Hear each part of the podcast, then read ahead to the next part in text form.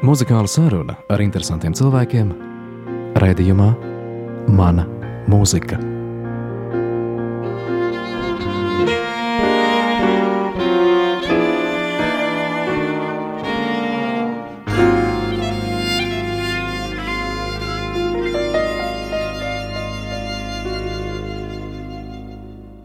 Labdien! Šodien raidījumā mana mūzika viesojas mākslas zinātniece Anna Ansāne. Labdien, Anna! Labdien! Anna, es atļaušos uzrunāt uz to, jo mēs esam pazīstami daudzus, daudzus gadus. Un um, šajā brīdī man tiešām ir tas lepnums un gods tevi uzrunāt arī kā grāmatas Rīgas arhitektūra un pilsētu būvniecības 17. gadsimta otrajā pusē autori. Tāds uh, liels un pamatīgs darbs, bet uh, šodien mūsu saruna vairāk laikam ritēs par tavu mūziku, daudz mazāk par grāmatu, bet nu kas to lai zina. Anna, tavā mūzikas sarakstā faktiski dominē tikai un vienīgi akadēmiskā mūzika. Vai tas ir tā apzināti šī tāda īpaša mīlestība tieši pret šo žanru? Acīm redzot, jā, jo es cik atceros sevi no bērnības, mūsu mājās vienmēr ir bijusi ļoti plaša skaņu plaša kolekcija, kuras klausījās mani vecāki, klausījos es pati, un es arī ar šo mūziku esmu augusi. Aha. Un arī, protams, manā ciešā saskara ar operu ir atstājusi iespaidu. Jā, teiksim, šī skaņu plats mājās ir bieži klausītas, vai nebija tā, ka vecāki ir sūtījuši arī mūzikas skolā? Ar to man muzikāla izglītība bija tā, ka gluži vairāk par skolas kori laikam, tā kā es no 5. klases sāku iet uh, Rozentāls skolā, tur šāda lieta nebija, bet uh, vēl sākuma skolas laikā pēc manas mammas iniciatīvas es vairākus gadus mācījos privāti klavieru stundas man bija, jā, tā kā īpašas dotības šajā sfērā man nebija, bet tas man netrauca arī mīlēt mūziku. Um, ja tu runā par kori, tad arī tavs viens no pirmajiem skandarbiem izvēlētājiem ir latviešu tautas dziesma divpļāviņas es nopļāvu. Feila apdarē. Jā, es to izdarīju ar nolūku, jo, ja es runāju par sevi un savu mūziku, tad acīm redzot, pirmā mūzika, ko es varu saukt par savu, bija tik tiešām latviešu tautas dziesmas, kuras mēdza dziedāt mana vecā māte. Un šī dziesma bija viņas mīļākā dziesma. Un interesanti ir tas, ka viņa arī pēc izglītības būdama agronomi, viņa pasniedz lauksaimniecības akadēmijā, un viņas specialitāte bija pļaukopība. Lūk, Un tādēļ šī dziesma bija tāda, ko mēs abi kopā dziedājām. Tādēļ arī šī izvēle. Saki, bieži mācās būt tā, ka šīs tautas dziesmas ģimenēs dzied nevis tikai vienbalsīgi, bet divbalsīgi, šur un tur trīsbalsīgi. Kā tad jums ar vecmāmu bija šī dziedāšana? Nu, es biju maza, un viņa jau bija gados, nu, attiecīgi tas ansamblis bija tāds, varbūt nevisai perfekts, taču sirsnīgs visnotaļ.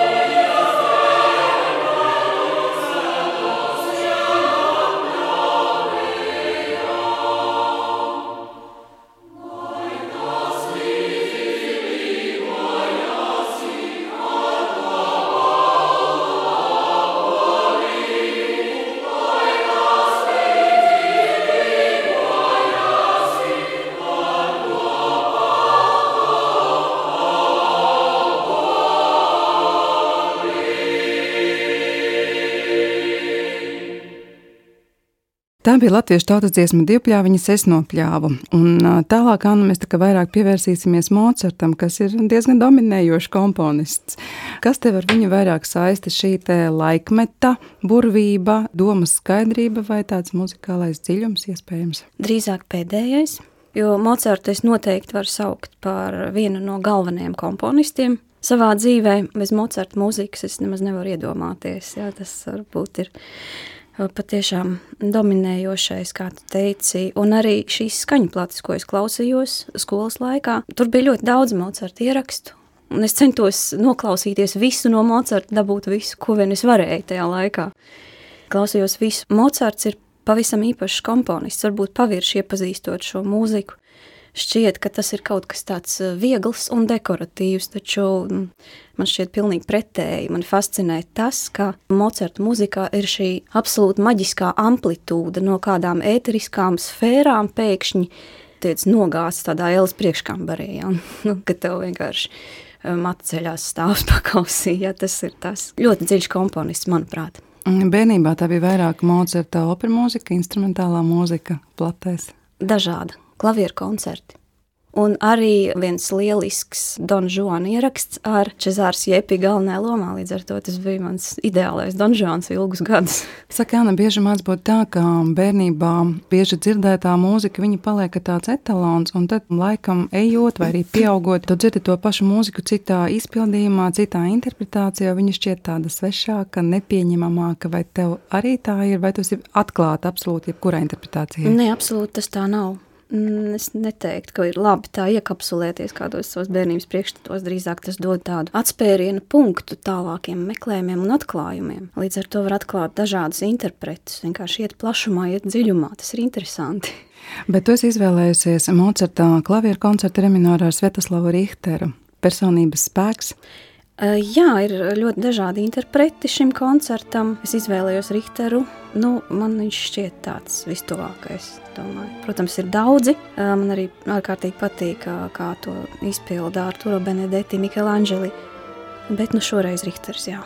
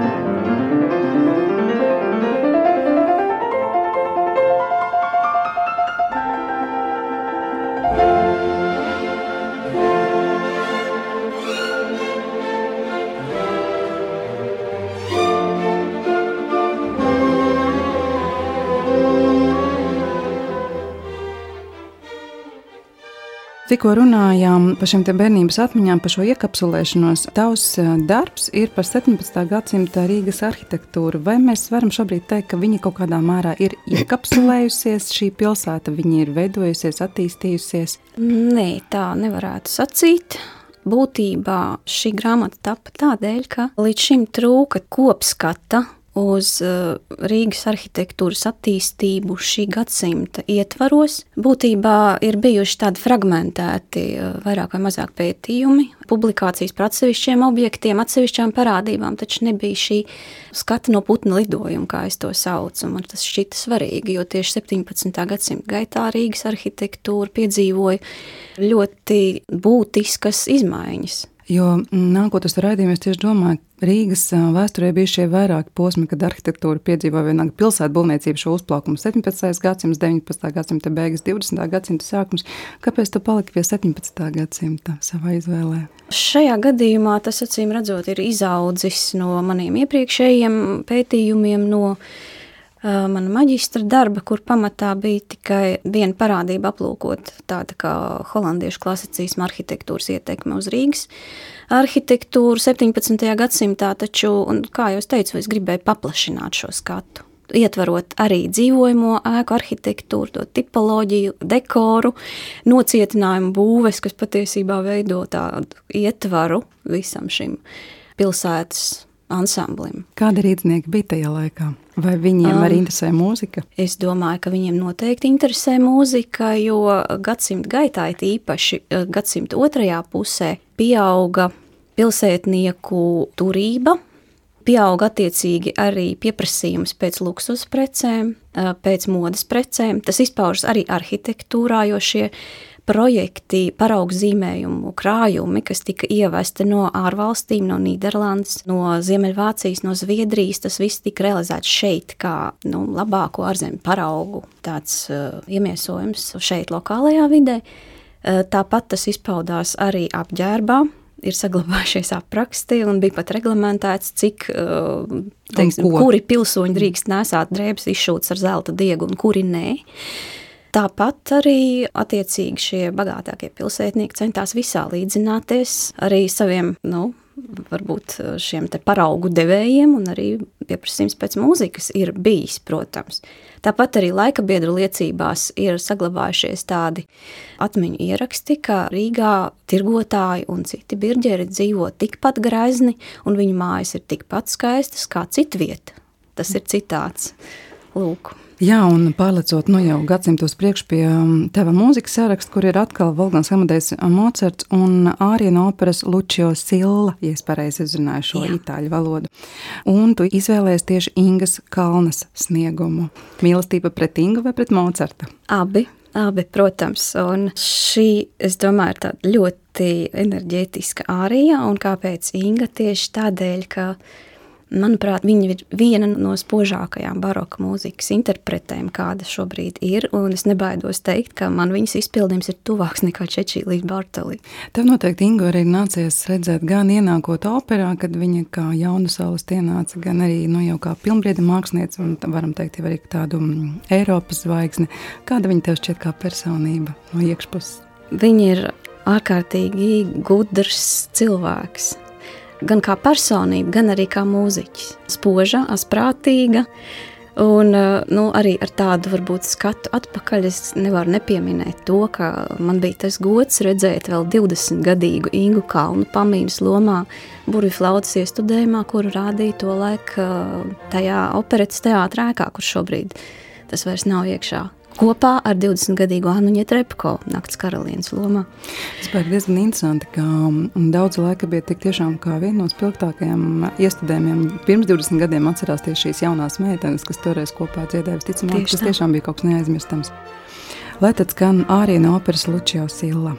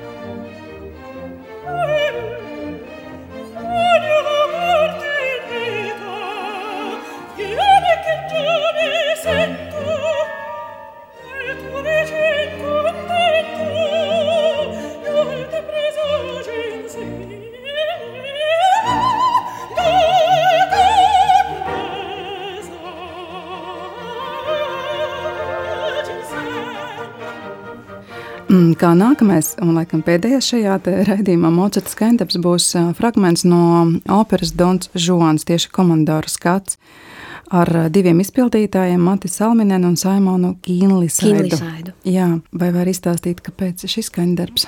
Jā, es jau pieminēju to, ka biju klausījusies šo operu ar Cezāru Siepi, Volteru Beriju un vēl citiem brīnišķīgiem izpildītājiem. Un šī opera arī vēlāk ir palikusi viens no maniem mīļākajiem skaņdarbiem šajā žanrā. Pilnīgi noteikti. Un es uzskatu, ka nu, Matīs Alminens ir viens no izcilākajiem komandoru atveidotājiem. Savukārt par Donu Žuanu, protams, varētu saukt daudzus, ne tikai Kinlīsaidu. Tur ir uh, vesela rinda. Bet uh, jā, šeit arī atspoguļojas tas, ko es pieminēju, šī milzīgā amplitūda, kas ir Mocarta mūzikā.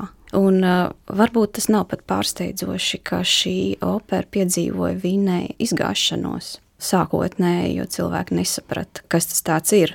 Jo, jo šeit ir pilnīgi skaidrs šajā finālā, ka opera nav par to, ko vēstīja apakšvirsraksts sodītais netiklis. Tas ir pilnīgi kaut kas cits. Un klausoties šo finālu, patiesībā nu, rodas tāds diezgan dīvains izjūts, kā ielūkotos aizspogulijā un ieraudzītu tur pats sevi. Ja? Tas, ko tu tur ieraudzīsi, vai tu nobīsies vai nē nu, tur katram ir ko domāt. Un, laikam tas ir atkarīgs no tāda mm, dzīves brīža, no dzīves pieredzes, jā, jā, no domām konkrētajā brīdī.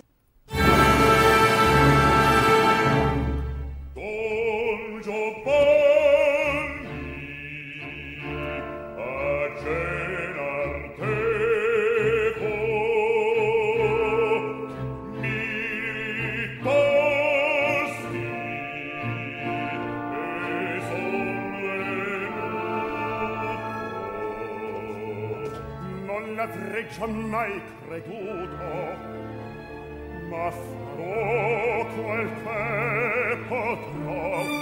Leporello l'oltre cena, fa che i soldi fossi porti. A padron, a padron, a padron siamo tutti morti. Fanne dico,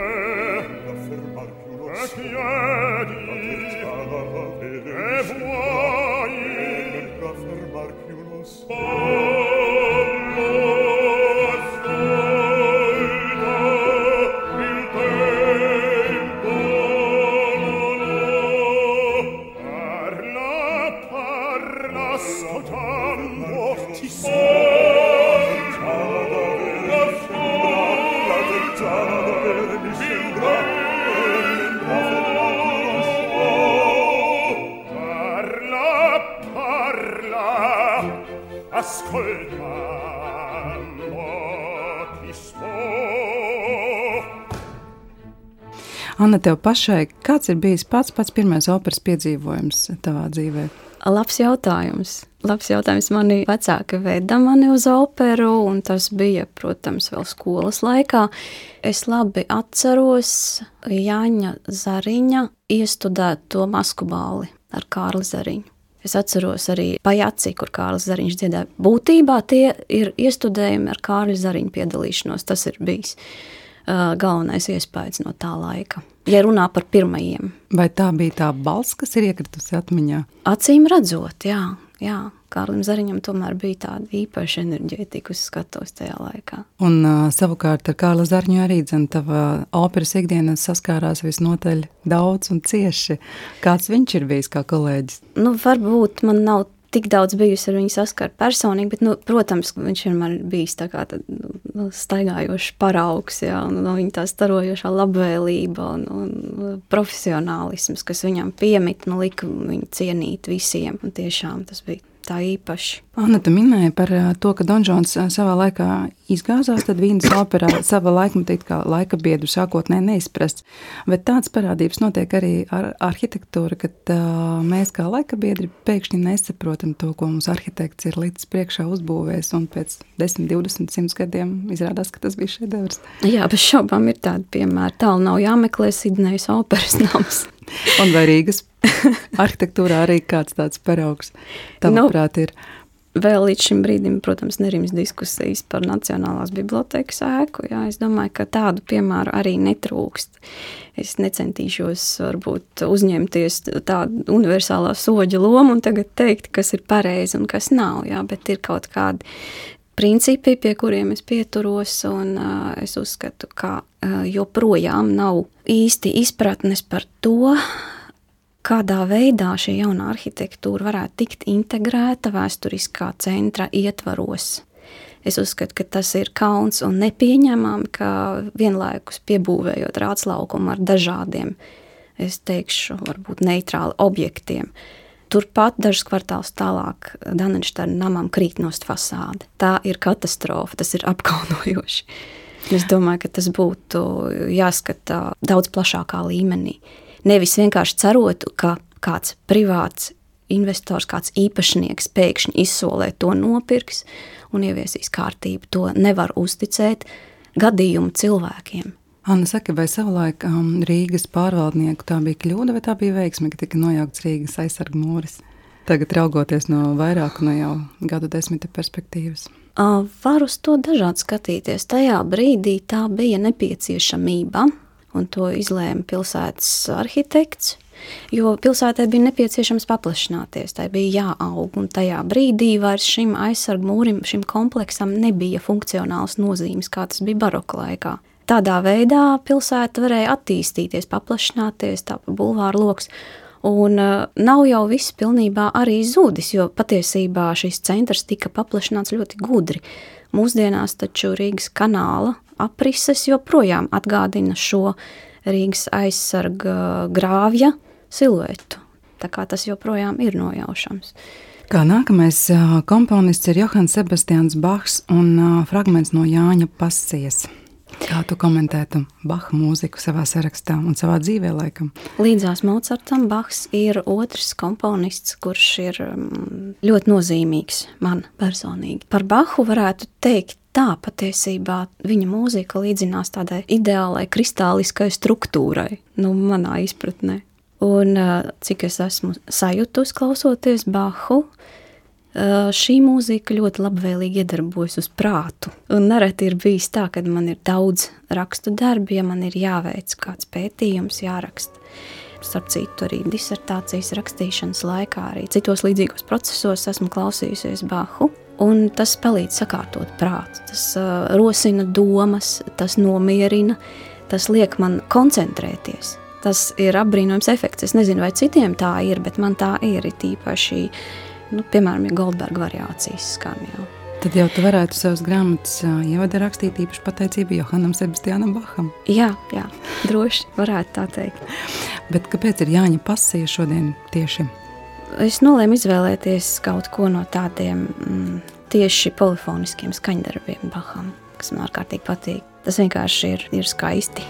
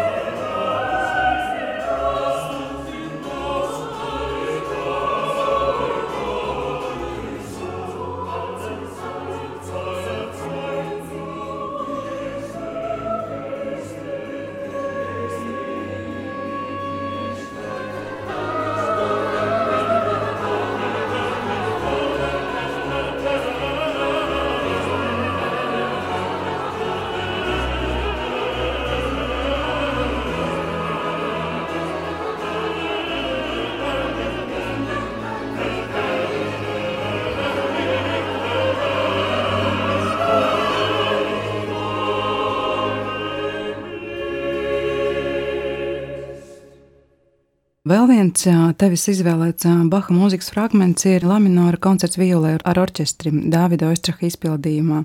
Šeit ir violnieka valdzinājums. Jā, jā, tas ir arī bez šaubām iespējas no tā, ka es esmu daudz klausījusies viļņu mūziku savā dzīvē arī dzēnu pateicoties savam vīram. Un oistraks šeit izvēlēts kā tāda klasiska vērtība, jo, protams, ir nebeidzami daudz interpretu un mūsdienās to dara arī citādi.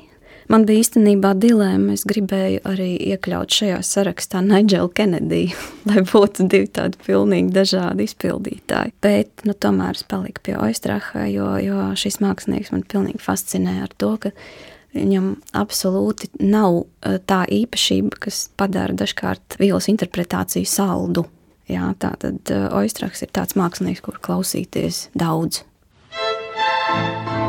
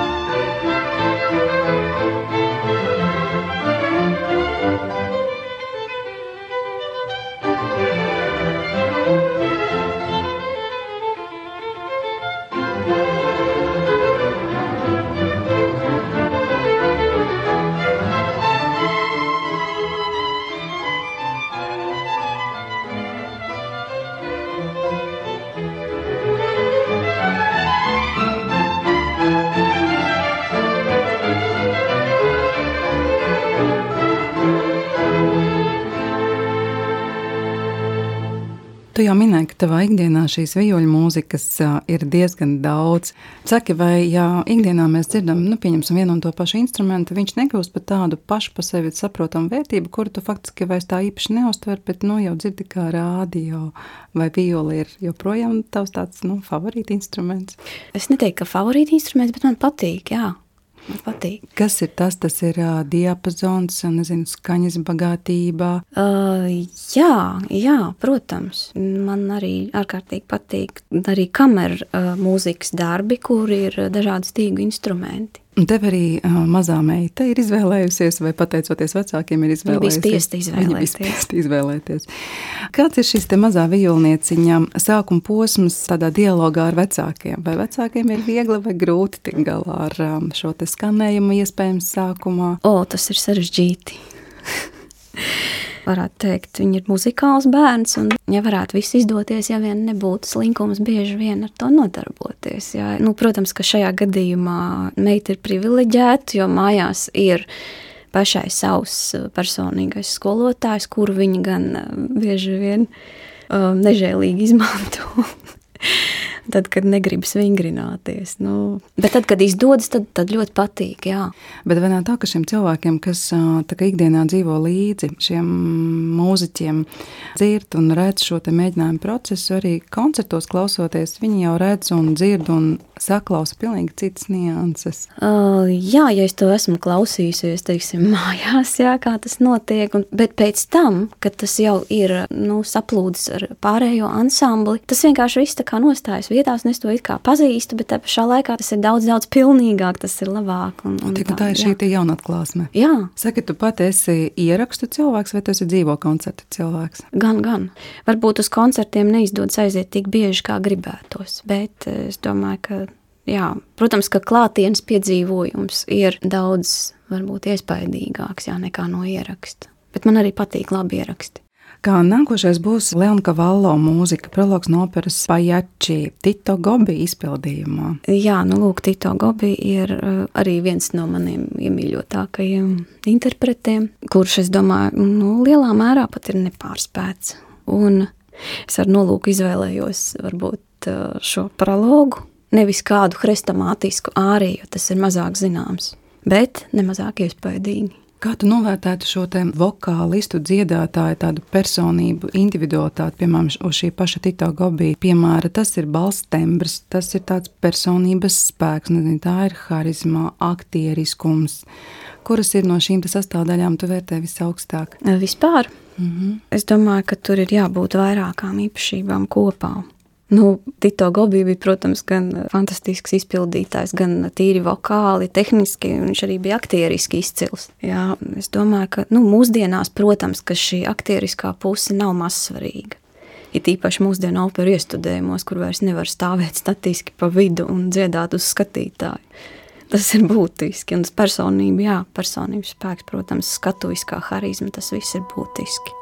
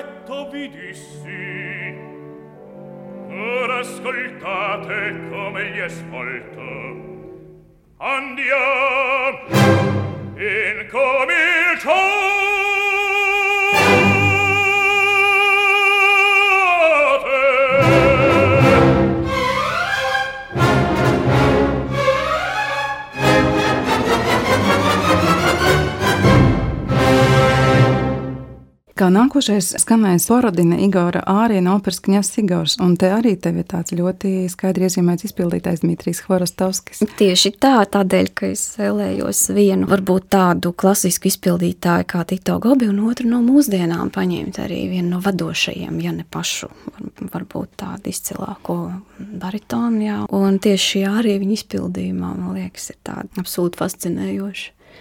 Vai tu pati klātienē Horastovskas sniegumu esi dzirdējusi? Diemžēl nē. Diemžēl nē, es esmu Kņāzi Igor klausījusies ar citiem izpildītājiem.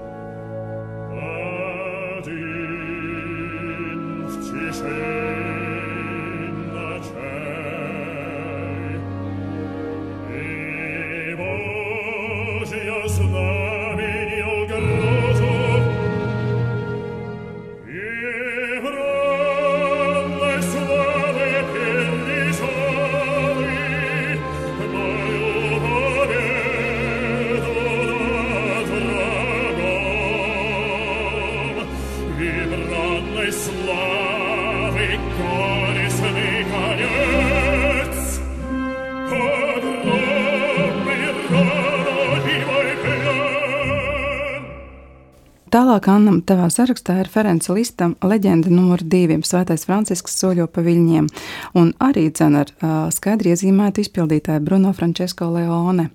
Kā šis skandēps ir nonācis tavā redzeslokā?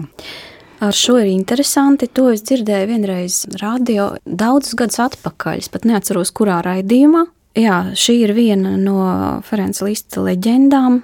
Pirmā ir veltīta uh, svētajam Masijas Franciskam, un šī ir veltīta citam svētajam Franciskam, kas ir bijis uh, eremīts no Kalabrijas. Un, uh, jā, tā vēsture ir tāda, ka mm, līdz bija iedvesmojies no leģendas, ka Svētais Francisks ar saviem biedriem vēlējās tikt pāri Mesīnas līcim, bet pārcēlājs viņiem ir atteicis, tad viņš ir noklājis savu apmetni uz nemierīgajiem viļņiem, un kopā ar saviem sekotājiem viņi ir pārpeldējuši šo līci. Viņš ir gājis pa priekšu, un viņi ir sekojuši. Nu, lūk, šī ir tāda nu, ārkārtīgi skaista leģenda, un uh, mūzikā man vienkārši apgūra tas, cik ļoti tēlains var būt lists. Lūk, un šī izpildītāja interpretācijā man tas šķita vis, visizteiksmīgāk šobrīd.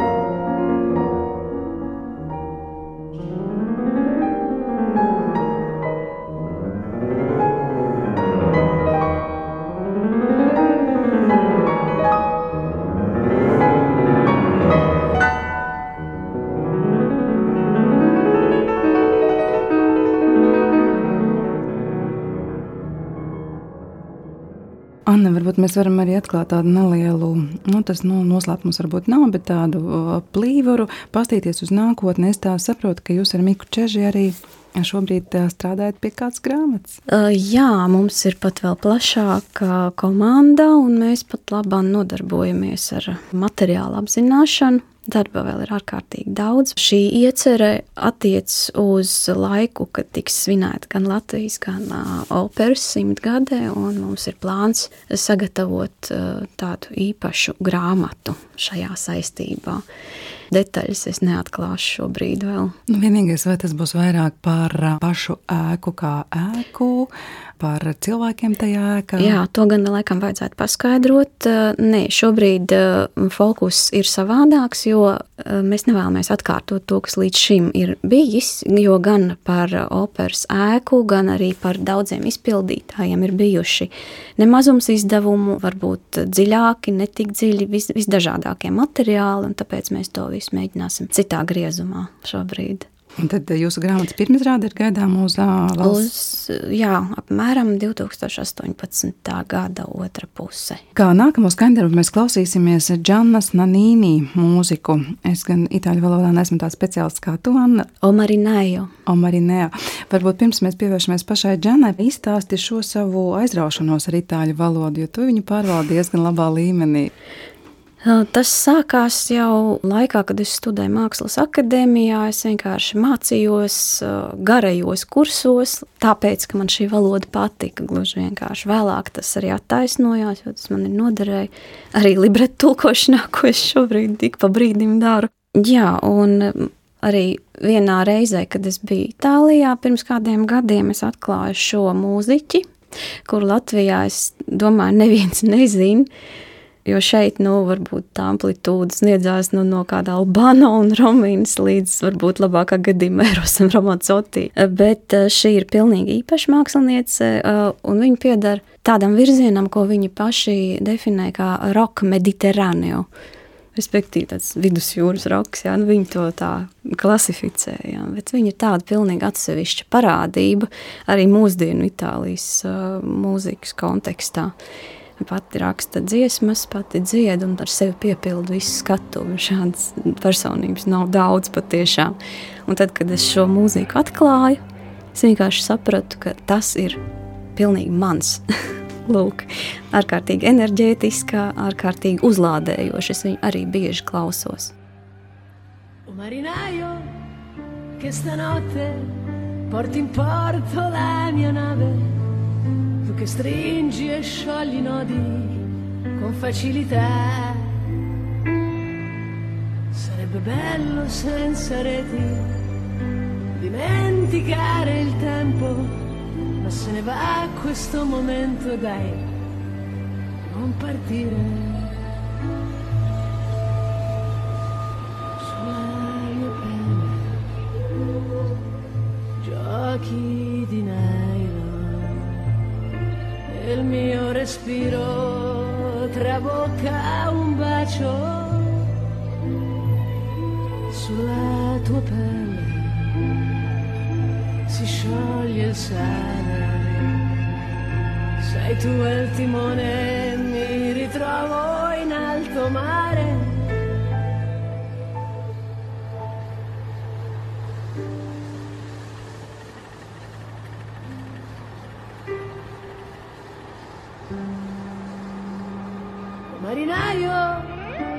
ti inseguirò in un nodo dolce, dolce, tra le perline sparse perse nei dintorni.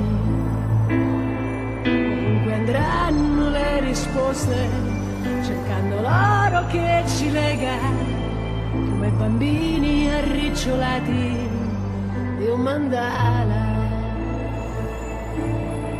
sulla tua pelle mi leghi a un bacio e sento sangue, sangue, odore di reato sulla mia pelle, veleno sacro e sai di boschi, di maremma e di bugie sulla tua lingua. Cibo